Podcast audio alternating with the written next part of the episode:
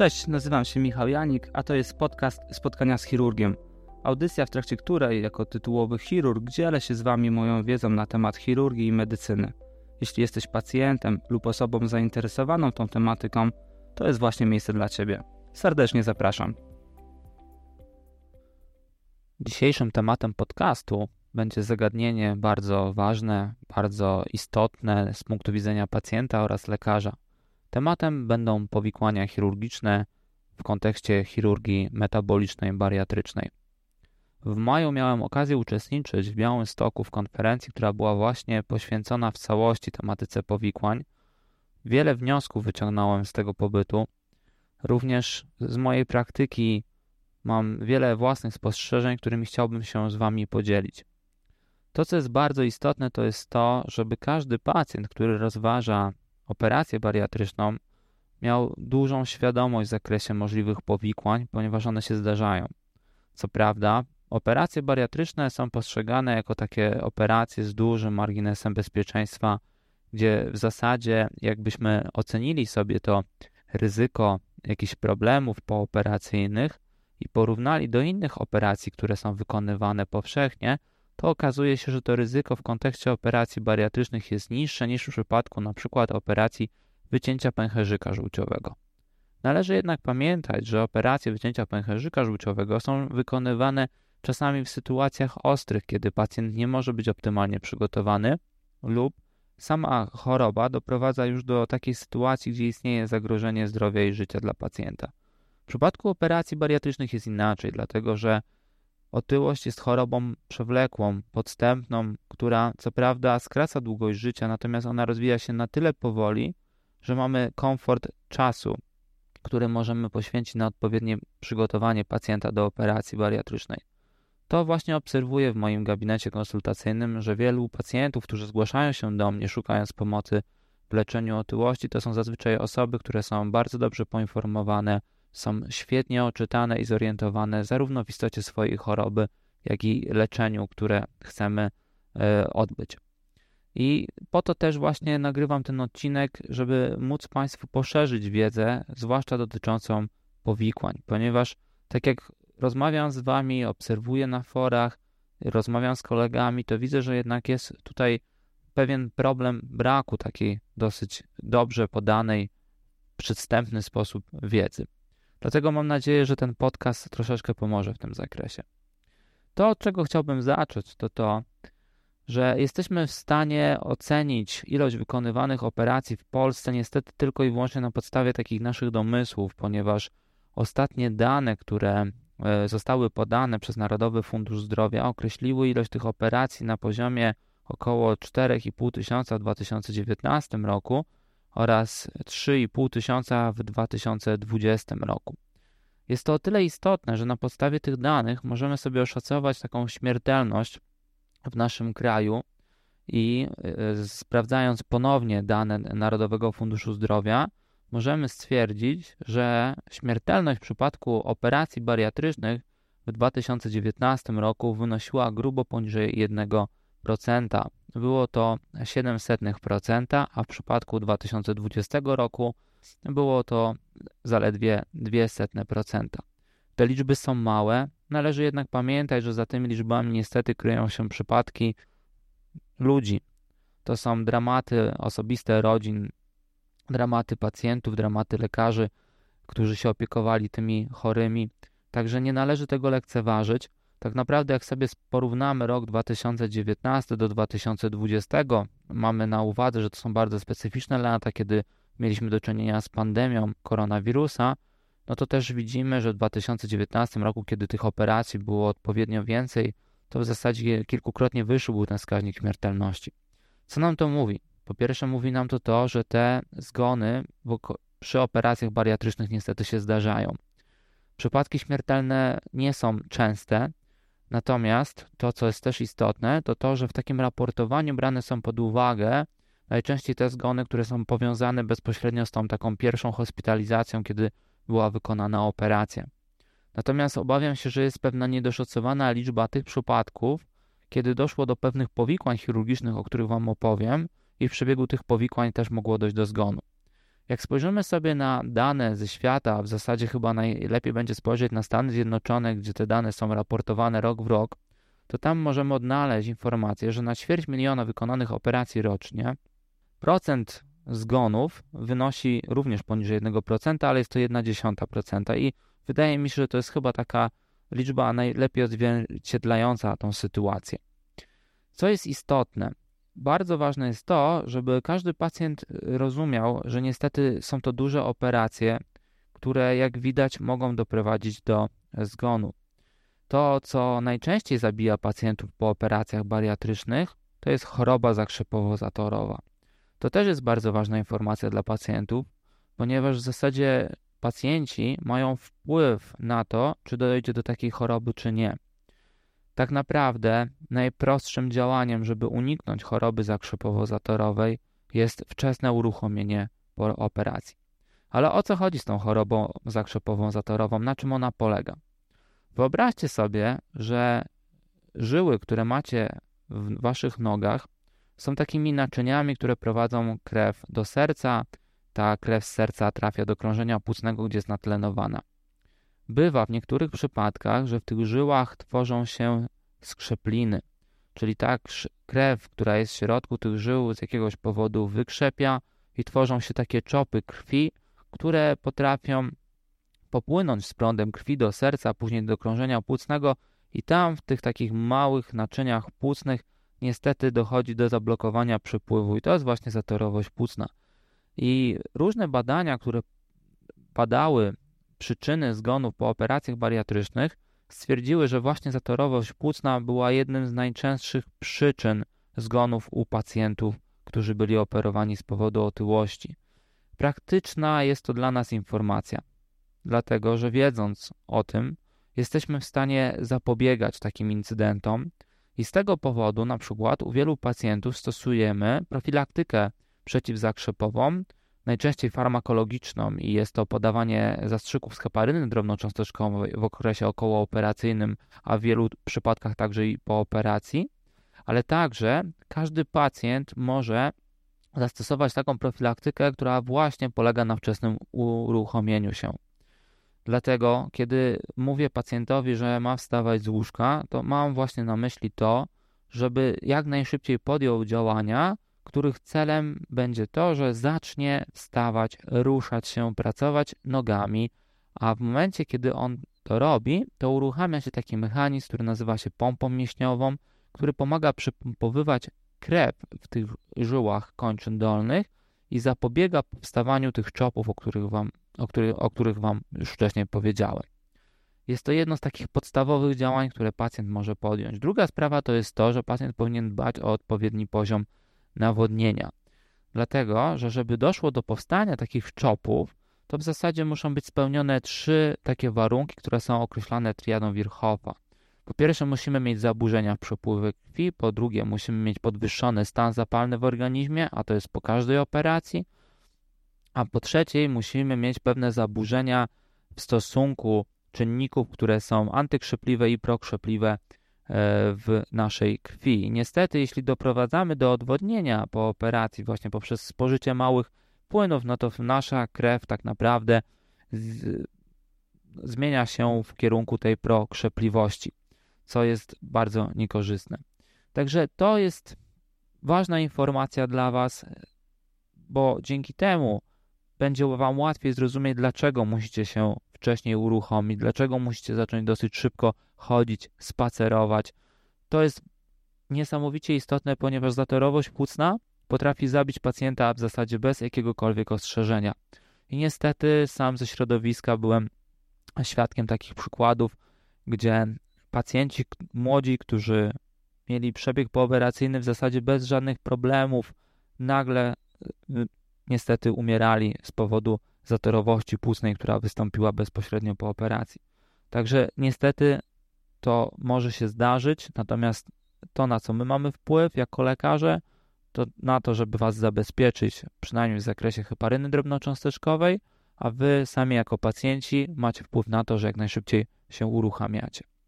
Więc jest to pierwsze takie najgorsze w zasadzie powikłanie, które jest związane z operacją, o którym Wam chciał powiedzieć. Jest to właśnie to powikłanie, które najczęściej doprowadza do śmierci u pacjentów po operacji bariatrycznej. Oczywiście to jest powikłanie, które jest niesamowicie rzadkie. Natomiast zdarzają się powikłania, które już są częstsze i takie powikłania, one występują u około 4% pacjentów. Mają różny charakter i powolutku sobie przejdziemy przez każdy z nich. Na pewno warto pamiętać o tym, że nieodpowiednio leczone powikłanie, zbyt późno wyłapane powikłanie lub generalnie już samo wystąpienie powikłania, no to zwiększa nam ryzyko też śmierci pacjenta już w dalszym okresie obserwacyjnym i ci pacjenci często są nieujmowani w statystykach, ponieważ najczęściej raportowanie dotyczy 30 dni po operacji. A jak zaraz usłyszycie, niektóre powikłania potrafią przekładać się na kilkumiesięczne leczenie pacjenta. Jeśli sobie wyobrazicie jakąkolwiek operację bariatryczną i na przykład spojrzycie na kartkę lub ewentualnie na rysunki, które często pacjentom daję w trakcie konsultacji, to zobaczycie, że to, co my robimy jako chirurdzy, to najczęściej jest a to cięcie części żołądka, a to przecinanie jelita, a to łączenie żołądka ze sobą, a to łączenie żołądka i jelit.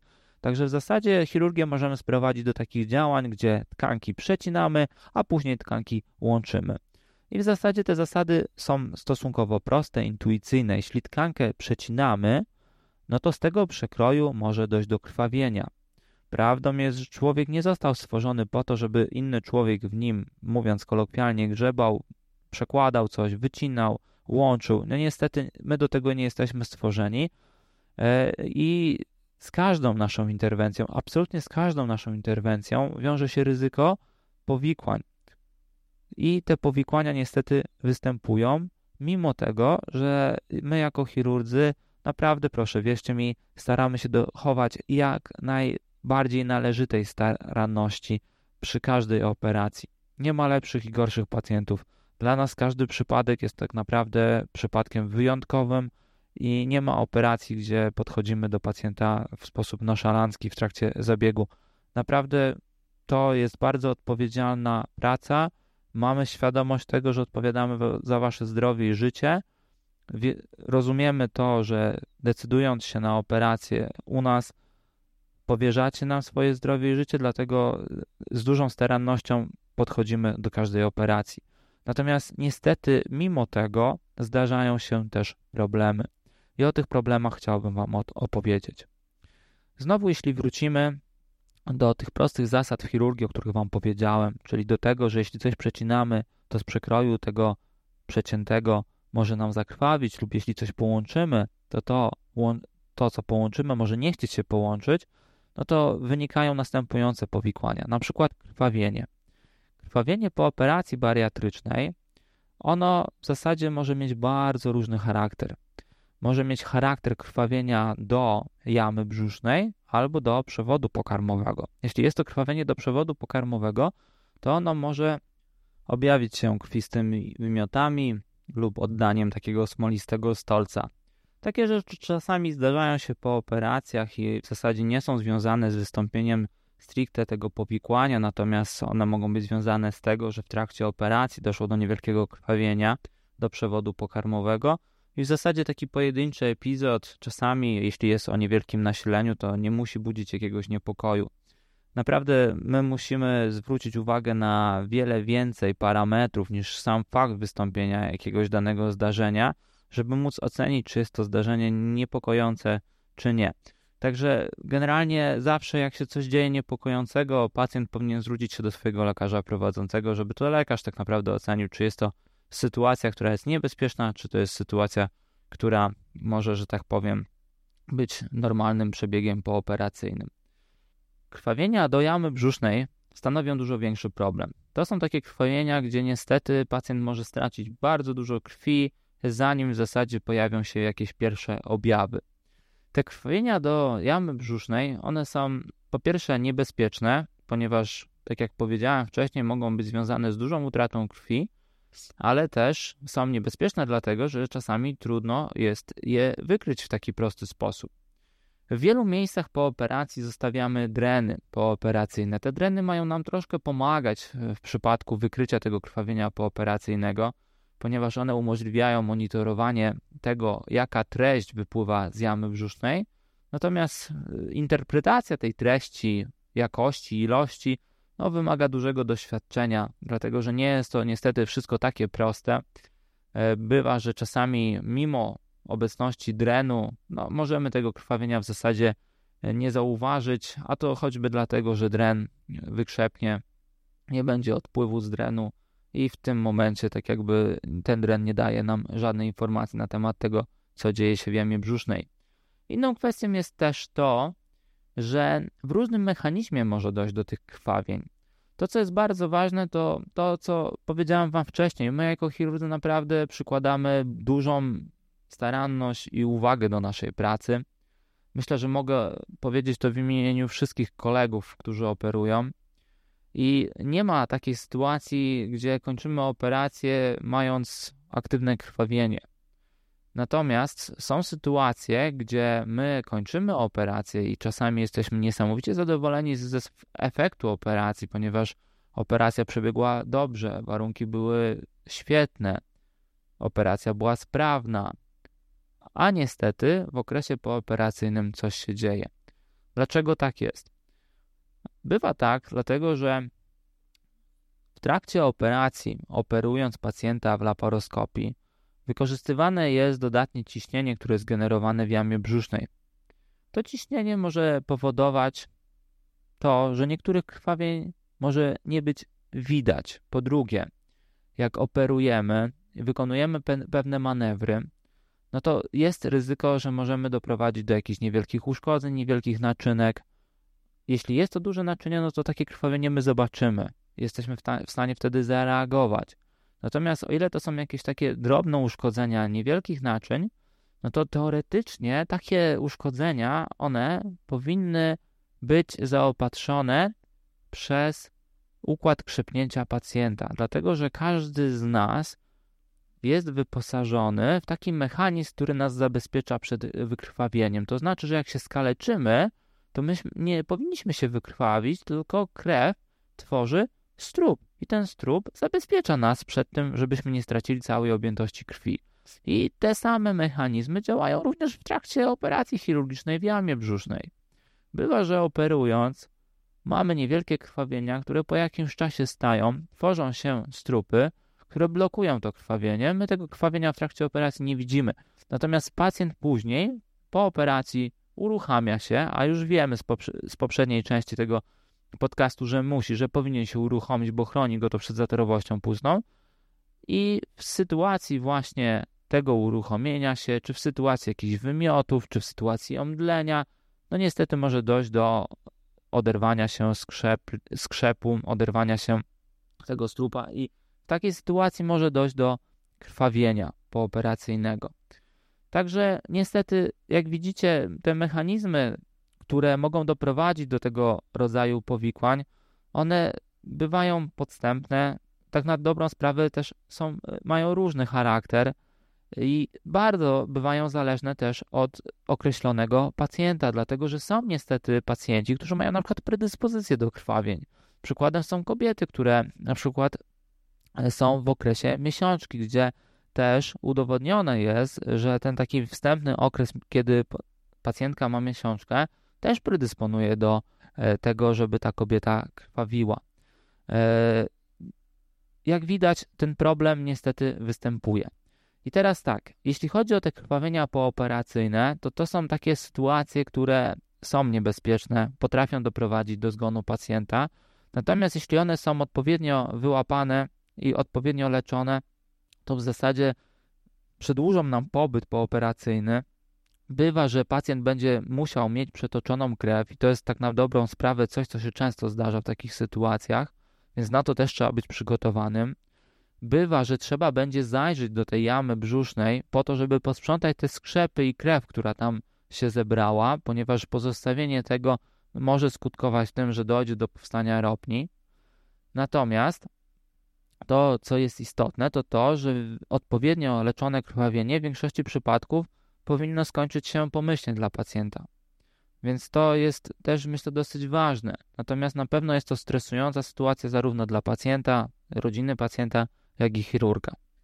Dużo bardziej poważnym powikłaniem, które spędza sens oczu zarówno chirurgowi, jak i pacjentom, jest sytuacja, kiedy dochodzi do zaburzeń w gojeniu się części, które łączymy. Przykładem jest operacja gastric bypass i wykonanie zespolenia pomiędzy żołądkiem a jelitem, gdzie łączymy dwie tkanki tworząc zespolenie i to zespolenie musi się wygoić. Dopiero jak ono się wygoi, to zespolenie tak naprawdę staje się takim pełnoprawnym, działającym zespoleniem. Ten proces gojenia trwa. On trwa kilka ładnych tygodni, a czasami można je określić, że nawet miesięcy.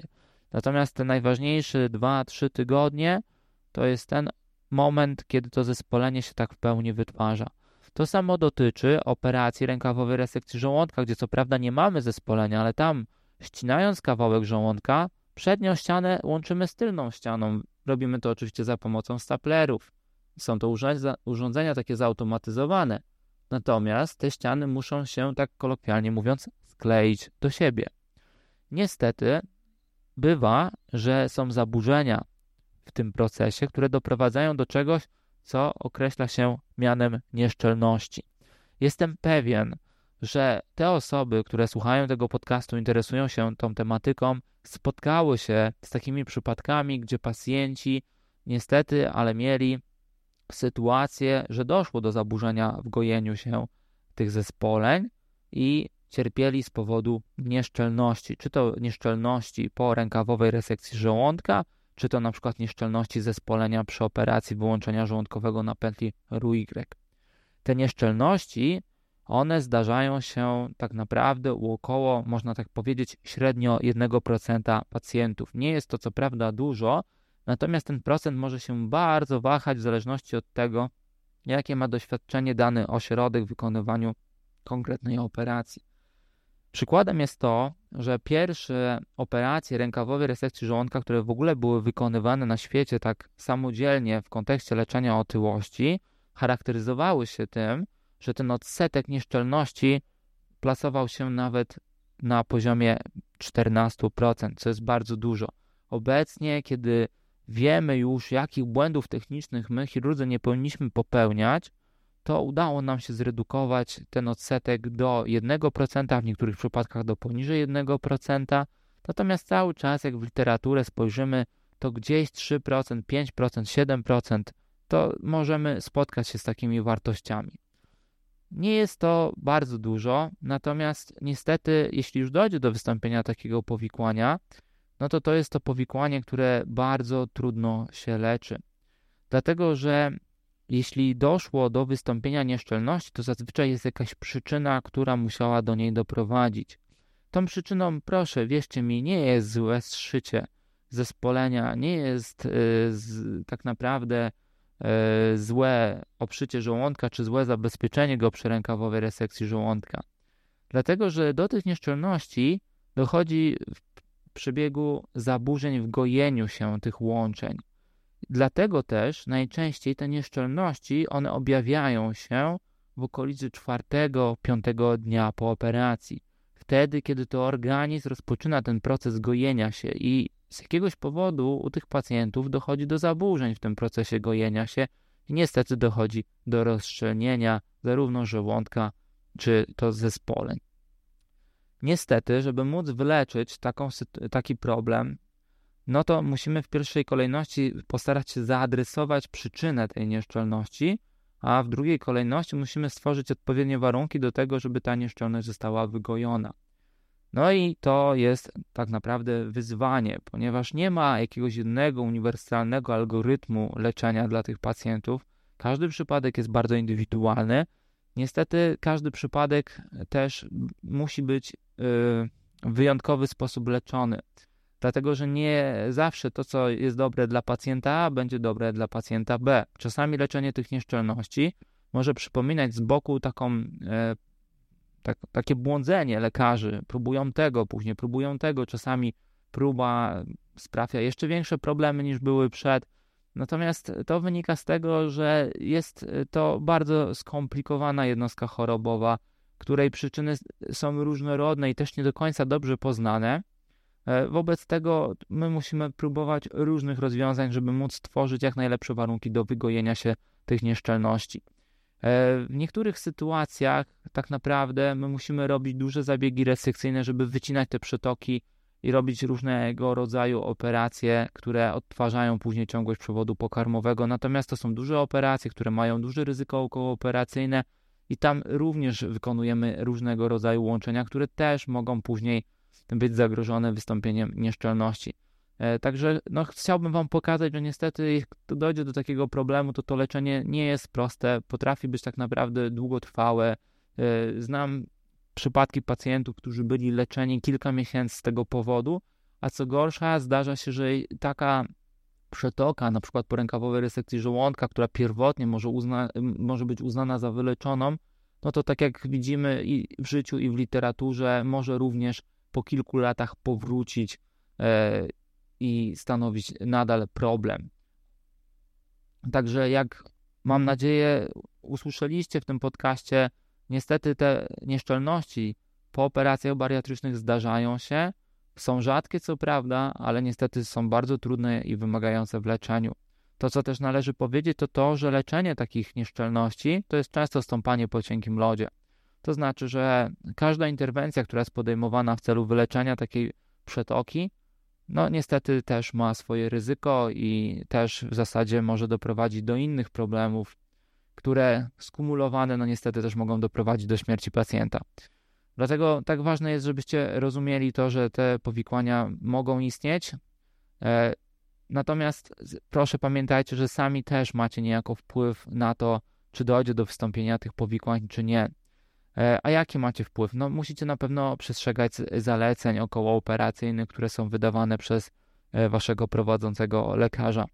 Musicie być w 100% szczerzy ze swoim lekarzem, informować go o wszelkich lekach, które stosujecie, o innych substancjach, które stosujecie, o wszelkich problemach medycznych, które w przeszłości Was dotyczyły, dlatego że czasami rzeczy pozornie wydawałoby się nieistotne dla Was, mogą mieć znaczenie. Przykładem jest stosowanie leków steroidowych lub leków immunosupresyjnych, które mają udowodnione działanie w kontekście powstawania rozszczelnień to są takie leki, które same w sobie zaburzają proces gojenia, więc ich stosowanie może niestety zwiększyć ryzyko wystąpienia nieszczelności. Palenie papierosów jest kolejnym takim niestety problemem, który powoduje, że ryzyko ewentualnej nieszczelności wzrasta nawet trzykrotnie u takich palaczy. Także jak widzicie, jest tu też kilka e, takich punktów, na które pacjent może zwrócić uwagę i e, w zasadzie też może coś zrobić, aby zmniejszyć ryzyko wystąpienia tych powikłań. Trzecim takim powikłaniem, o którym chciałem Wam powiedzieć, to są powikłania, które są, e, one objawiają się w zasadzie taką sytuacją, że dochodzi do niedrożności przewodu pokarmowego. E, czyli tak kolokwialnie rzecz ujmując, pacjent nie może nic jeść, wymiotuje, brzuch jest wzdęty, czasami jest tak, że nie może oddać stolca ani gazów. To są sytuacje, które Częściej zdarzają się w przypadku operacji, gdzie wykonuje się różnego rodzaju wyłączenia, czyli na przykład w przypadku operacji wyłączenia żołądkowego na pętlu Y, popularny gastric bypass, lub na przykład mini gastric bypass, ewentualnie operacja SASI lub operacja SADI. Czasami one mogą się również zdarzać w przypadku rękawowej resekcji żołądka, jeśli wskutek takiego procesu e, gojenia się tego żołądka przeszytego dochodzi do powstania wzrostów i ten żołądek, krótko mówiąc, skręca się e, i w wyniku tego skrętu zamyka się jego światło i wtedy pacjent nie jest w stanie nawet wody wypić, bo wymiotuje, nie mówiąc już o jedzeniu. No to, to są sytuacje, które niestety potrafią się zdarzać w okresie pooperacyjnym, również wymagają leczenia e, i to jest coś, co można byłoby określić, e, że występuje z częstością około 1 do 2%. Również nie jest to częste, natomiast no niestety potrafi być czasami w parze z innym problemem, na przykład z nieszczelnością. Więc to są takie rzeczy najważniejsze, które mogą wystąpić jako powikłania wczesne. Natomiast jeśli chodzi o powikłania późne, po operacjach bariatrycznych, no to też jest bardzo istotny temat. Jest to temat dla Was ważny, ponieważ decydując się na operację bariatryczną, musicie mieć świadomość, że taka operacja w trwały sposób może zmienić pewne rzeczy w waszym organizmie i konsekwencje tego będziecie mogli odczuwać przez długie, długie lata po samym zabiegu. Przede wszystkim to, o czym należy pamiętać, to to, że operacje bariatryczne są związane z ryzykiem niedoborów witaminowych, mikroelementów oraz makroelementów. To przekłada się na konieczność stosowania suplementacji po operacji bariatrycznej w zasadzie do końca życia. I to jest coś, co jest bardzo ważne, ponieważ wielu pacjentów na początku, a i owszem, stosuje suplementy, pilnuje się, przychodzi na kontrolę, natomiast no niestety w grupach pacjentów również są jednostki, które się wyłamują z tego schematu bardzo wcześnie. I to jest niebezpieczne, ponieważ na, wyobraźcie sobie, że każdy z Was ma jakieś magazyny, które są wypełnione tymi mikroelementami, makroelementami i witaminami. Możecie z tych magazynów korzystać przez jakiś czas. Każdy ma te magazyny wypełnione w różnym stopniu. Jedni będą mieli je prawie puste, drudzy będą mieli je zapakowane pod sufit. Dzięki temu niektórzy będą mogli na przykład przestać stosować te suplementy i nie zauważać konsekwencji takich działań przez długi okres. U innych może być tak, że konsekwencje będą odczuwalne już po miesiącu niestosowania suplementów. Natomiast zdarzają się przypadki pacjentów, którzy zaprzestali na przykład rok po operacji stosowania suplementów, a robiąc kontrolę 2-3 lata po operacji okazuje się, że mają ogromne niedobory pokarmowe. I jest to właśnie niestety efekt braku stosowania suplementacji po operacji bariatrycznej. Musicie zapamiętać to, że po operacji bariatrycznej jesteście narażeni na niedobory dotyczące e, e, żelaza, kwasu foliowego, witaminy z grupy B, witaminy z grupy A.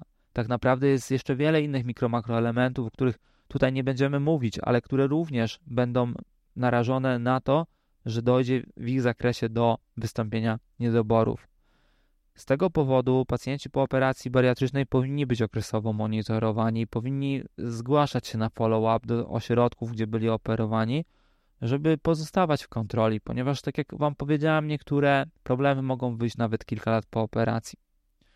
Kolejnym takim aspektem, który jest również istotny, to to, że po operacjach bariatrycznych bardzo często obserwuje się u pacjentów wystąpienie kamicy pęcherzyka żółciowego, i w przebiegu kamicy pęcherzyka żółciowego bardzo często dochodzi do ataków kolki żółciowej, czyli krótko mówiąc, pęcherzyk żółciowy zamyka się kamyczkami, które mogą powstać po operacji bariatrycznej albo były jeszcze przed operacją bariatryczną. No i na kanwie tego może zaistnieć konieczność operacji pacjenta, wycięcia takiego pęcherzyka żółciowego. To jest coś, co często się zdarza po operacjach bariatrycznych. W niektórych przypadkach nawet taki pęcherzyk warto jest usunąć przed operacją. Natomiast na pewno poddając się operacji bariatrycznej, musicie być świadomi, że to ryzyko po operacji bariatrycznej wzrasta. Kolejnym aspektem, który jest bardzo istotny, to to, że w przypadku operacji bariatrycznych każda operacja ma pewne swoiste ryzyka. I troszkę bym chciał Wam o tych ryzykach powiedzieć. Mając na uwadze to, że w Polsce, a także na świecie najbardziej popularną operacją jest rękawowa resekcja żołądka, czyli sleeve, Zaraz później jest gastric bypass na pętli RUY, czyli tak popularnie określany gastric bypass. Na trzecim miejscu plasuje się mini gastric bypass. Dopiero później mamy takie procedury jak SADI, ewentualnie SASI. To w tej kolejności chciałbym Wam opowiedzieć kilka słów właśnie o tych takich odległych powikłaniach. Jeśli zaczniemy od rękawowej resekcji żołądka, to o czym należy myśleć w kontekście długoterminowych powikłań? Przede wszystkim o chorobie refluksowej. To jest pięta achillesowa tej operacji. Niestety obserwujemy u pacjentów po rękawowej resekcji żołądka, że generalnie co druga osoba w mniejszym lub większym stopniu odczuwa objawy refluksu. I jest to pewien problem, ponieważ my nie chcielibyśmy, żeby nasi pacjenci byli narażeni na ten refluks. Ten refluks może być kwaśny, może być zasadowy, określenie charakteru zazwyczaj wymaga dodatkowych badań, które nie są rutynowo przeprowadzane. Natomiast obecność takiego refluksu raz, że bywa nierzadko odczuwalna przez pacjenta, wymaga stosowania leków z grupy inhibitorów pompy protonowej, no to dodatkowo jeszcze może spowodować takie powikłania w postaci zapalenia przełyku. To zapalenie przełyku, ono objawia się tym, że w gastroskopii widoczne są nadżerki na połączeniu przełyku i żołądka. No i obecność tych nadżerek nie jest korzystna dla pacjenta. Oczywiście są różne stopnie zaawansowania tych nadżerek, e, ale to, co jest niepokojące, to to, że sam stan zapalny w tej okolicy i na przykład zaawansowany stopień zapalenia przełyku, no, może być takim czynnikiem, który może w przyszłości na przykład dać początek powstaniu choroby nowotworowej w tej okolicy. Są to oczywiście takie nasze obawy, które do tej pory może nie są e, w jakiś sposób potwierdzone danymi mocnymi, dlatego że operacja rękowa resekcji żołądka jest wykonywana od około 15 lat, a żebyśmy mieli takie pełne dane, to musielibyśmy mieć 30 lat obserwacji tych pacjentów, żeby móc powiedzieć, czy to jest realny problem, czy nie. Natomiast no, bardzo dużo dyskusji toczy się w tym aspekcie. Jedno z takich dużych badań, gdzie analizowano tysiące osób operowanych zarówno za pomocą rękawowej resekcji żołądka, jak i operacji typu gastric bypass i porównywano do pacjentów z otyłością, wykazało, że tak naprawdę po operacjach bariatrycznych rzadziej występują nowotwory w zakresie żołądka i przełyku. Natomiast ten temat, tak jak powiedziałem, na pewno wymaga dalszej obserwacji. My bacznie się przyglądamy i też w zasadzie jako środowisko staramy się próbować adresować ten problem refluksu u naszych pacjentów. Natomiast to, co jest istotne, to w zasadzie to, że ten refluks jest jedynym takim problemem przy rękawowej resekcji żołądka. Najczęściej po rękawowej resekcji żołądka u pacjentów w takiej długoletniej obserwacji nie obserwuje się innych jakichś dodatkowych problemów. E, więc no, z jednej strony to dobrze, że ta operacja nie daje wielu innych problemów. Z drugiej strony, no niestety sam reflux bywa takim dosyć poważnym problemem dla niektórych pacjentów, znacznie zaburza ich jakość życia, no i nierzadko bywa przyczyną tego, że u takich pacjentów po rękawowej resekcji żołądka musimy dokonywać jakiejś innej operacji, żeby z tym refluksem im pomóc. Jeśli chodzi o operację drugą wykonywaną co do częstości w Polsce, czyli gastric bypass, to tutaj Gastric bypass niestety wiąże się z wieloma problemami, które mogą być obecne po operacji. Przede wszystkim chciałbym, żebyście uzmysłowili sobie, że tak jak przy rękawowej resekcji żołądka, fragment żołądka jest wyciągany z organizmu ludzkiego i tego fragmentu żołądka nie ma, za to gastroskopię jak się wykonuje, to można zobaczyć to, co zostało, to przy operacji wyłączenia żołądkowego tak na dobrą sprawę nie ma wglądu już w tą dużą część żołądka, która zostaje u pacjenta, bo jej się nie wycina.